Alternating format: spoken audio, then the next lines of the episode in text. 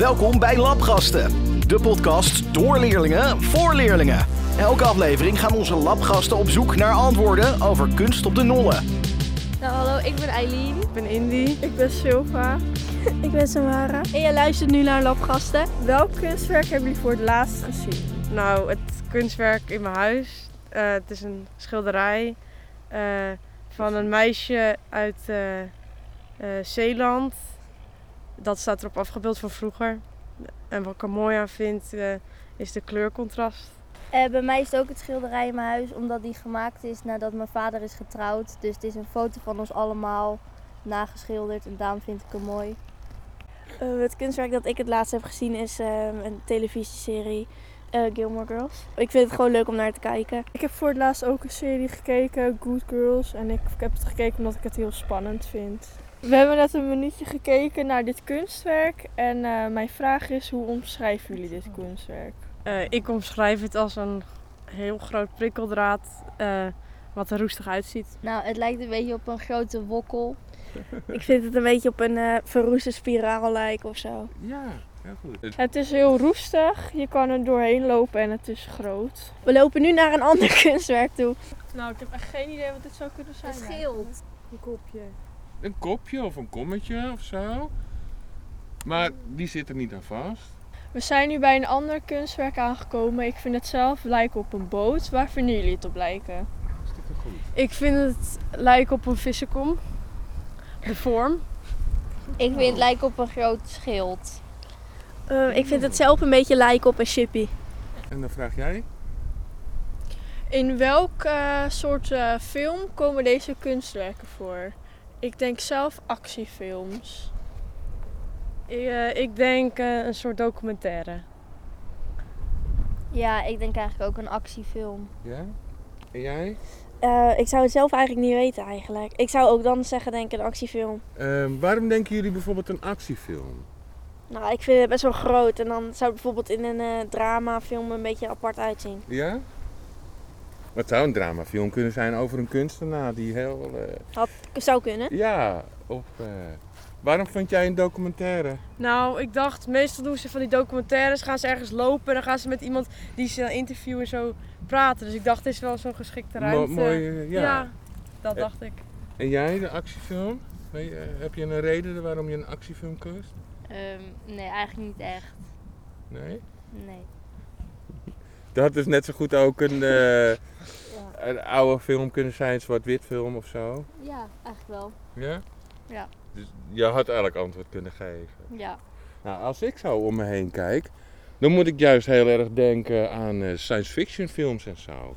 Misschien omdat ik dat wat vaker kijk dan andere films. Ik vind actiefilms wel leuk, maar uh, dat, daar vind ik het heel erg op, op, lijken, de hele omgeving.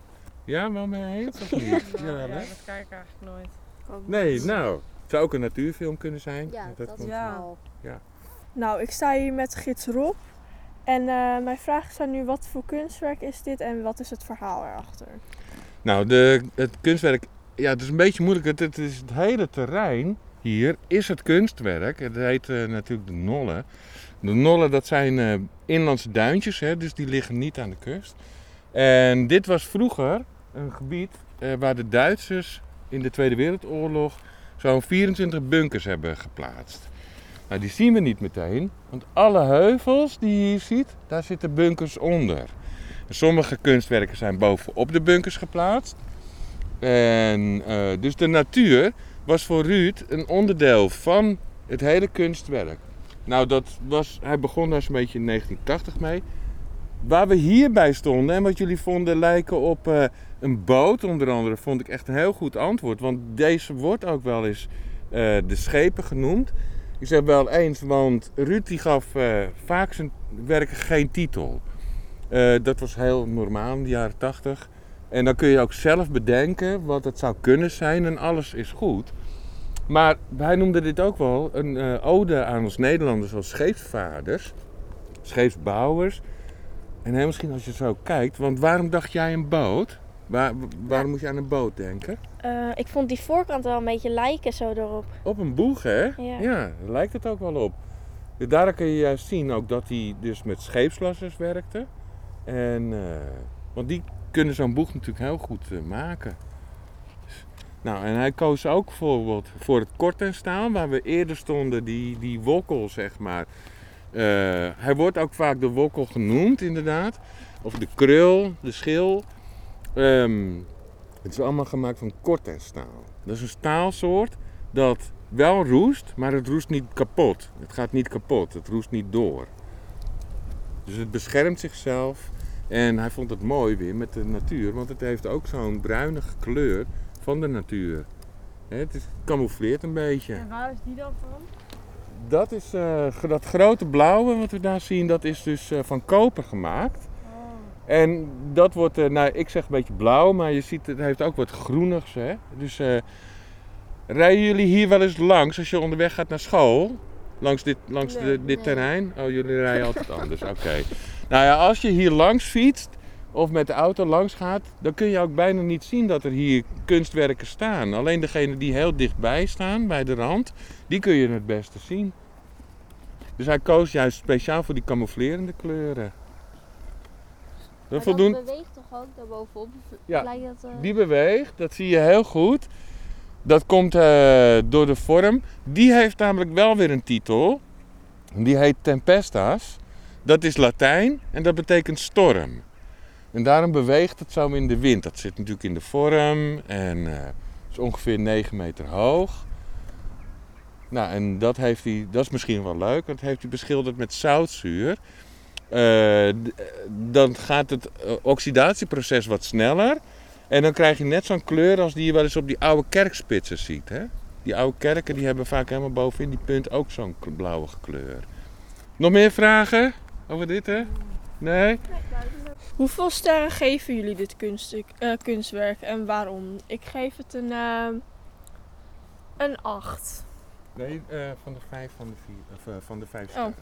Even opnieuw. Nee, dat geeft niet. Hoeveel sterren geven jullie dit kunstwerk en waarom? Ik geef dit eh, kunstwerk 3 sterren. En Omdat ik het Ja. niet eh, snap. Nou, dat geeft niet. Ja, ik geef het eh, denk ik twee sterren, omdat ik best wel lang moest nadenken van wat ik er eigenlijk zelf in zag. Oké. Ehm, ja, ik geef het drie sterren. Want het ziet er niet super speciaal uit. Waardoor mensen het denk ik niet heel snel naar gaan kijken. Oké. En jij? Ehm, ik geef het ook drie sterren, want ik vind het eh, lastig om er een beetje uit te halen wat het voor moet stellen. We lopen nu over het veld naar een ander kunstwerk. en daar eroverheen legt, dan heb je hier dus een heuvel gemaakt zelf. En daar heb je, nou dat noemen ze een droogvennetje. Als het heel hard regent, dan loopt hij vol met water. En eh, dus dan, zo heeft hij dat hele landschap hier gecreëerd. Wat was dit voor gebied vroeger? Nou, dit gebied was dus, eh, wat ik eerder al vertelde, een eh, stukje van de Duitsers. In de Tweede Wereldoorlog hebben die natuurlijk heel veel bunkers hier gebouwd. En we zagen, zien steeds allemaal heuvels. En daar heb je dus, aan de ene kant maakte hij bijvoorbeeld een, een ven of een vijver. En dan legde hij het zand, wat hij daarvan wegschepte, dat legde hij over de bunkers heen. En zo heeft hij dus bijna al deze heuvels gecreëerd. We kunnen wel een klein stukje verder lopen. En, ehm, want eh, laat me maar even, eh, even draaien. Ja, ik heb hem maar. Heel goed zo. Kijk, zien jullie daar die lantaarnpaal? Nou, goed dat je het herkent. Dus dat is allemaal gemaakt door die kunstenaar. En ook die bruggen die je daar hebt. Dat soort werken, dat maakte die allemaal. We zijn nu naar ons derde kunstwerk gelopen. Eh, waar vinden jullie het op lijken? Ik vind het heel erg lijken op een eh, steeg of zo. Ja, ik ook, maar dan aan de zijkant heb je een soort kleine steentjes. Dat vind ik wel iets weg hebben van een tempel. En jij? Eh, ik vind het lijken op een soort van tunnel. Want als je aan een tunnel komt, heb je ook meestal zo'n muurtje dat van, laag, van hoog naar laag gaat. Oké. En jij nog? Eh, ik vind het zelf ook een beetje lijken op een steeg zo tussen een heuvel door. Ja. En dan lopen we weer hier terug. En dan gaan we aan de binnenkant kijken. Het, aan de binnenkant hetzelfde. We mogen alleen niet aan de wanden komen, want we stappen in een schilderij. Eh, we zijn nu in het kunstwerk gegaan, want je kan er ook in. Eh, ik zie zelf heel veel kleuren, heel veel geel, kleurrijk en heel leeg. Wat zien jullie? Ja, het lijkt een vrolijke ruimte met leuke kleuren. Nou, ik vind het ook erg kleurrijk. Ik weet, het is een soort eh, driehoek. Nou ja, een zandloper als je op die andere doorloopt, dan lijkt het op een zandloper. Maar ja, ik, ik zie er verder niet heel veel in. Ehm, inderdaad een eh, driehoekige vorm met een eh, dakraam. Ik vind het zelf wel een beetje eh, klein voelen als je erin staat. We lopen nu naar de andere kant van het kunstwerk. Welke kant van eh, deze binnenkant vinden jullie koud voelen en welke vinden jullie warm voelen? Ik vind zelf de rechterkant koud door de donkere kleuren en de linkerkant wat warmer door de roodachtige oranje kleuren. Nou, ik vind het juist andersom. Ik vind rechts, omdat het meer het lijkt een lichtere geel, vind ik het wat lichter voelen. En die ander, de linkerkamer, juist wat meer eh, donkerder, omdat het een donkere kleur geel is.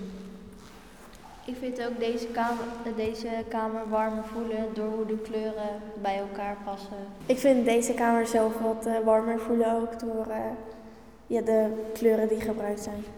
Ik ben weer met gids Rob en mijn vraag is aan u, eh, hoe heet dit kunstwerk en wat is het verhaal erachter? Nou, we staan in het kunstwerk Virgilius. Virgilius, dat is eh, een gids uit een heel oud verhaal, uit de goddelijke komedie. Dat was een gids van de hel naar de hemel. Waar we nu staan is de hemel en de andere kant, die andere kamer, dat is de hel. En eh, ik vond het al wel leuk dat je zei, hè, driehoekvorm en het heeft iets weg van een zandloper. Ehm, ha- hadden, jullie voelden dat de ene kamer warmer was dan de andere kamer. En volgens mij hadden de meesten ook de, voor, mij, voor ons dan rechterkant. Nou, dat is dan de hel. Dus ja, het zou natuurlijk kunnen dat die wat warmer is. Eh, ik hoorde ook wat zeggen over lichtere kleur geel. Een lichtere kleur geel. En het zijn dezelfde kleuren geel, maar deze kant was vroeger wit en de overkant was vroeger zwart. Dus het zijn wel dezelfde kleuren geel, alleen door de zwarte ondergrond oogt die veel donkerder dan dat die is. En nou ja, je hebt op deze manier ook symmetrie. Dus de ene kamer die lijkt wat kleiner dan dat die is, maar dat is niet zo. Ze zijn exact gelijk aan elkaar, even groot. Heb je nog meer vragen?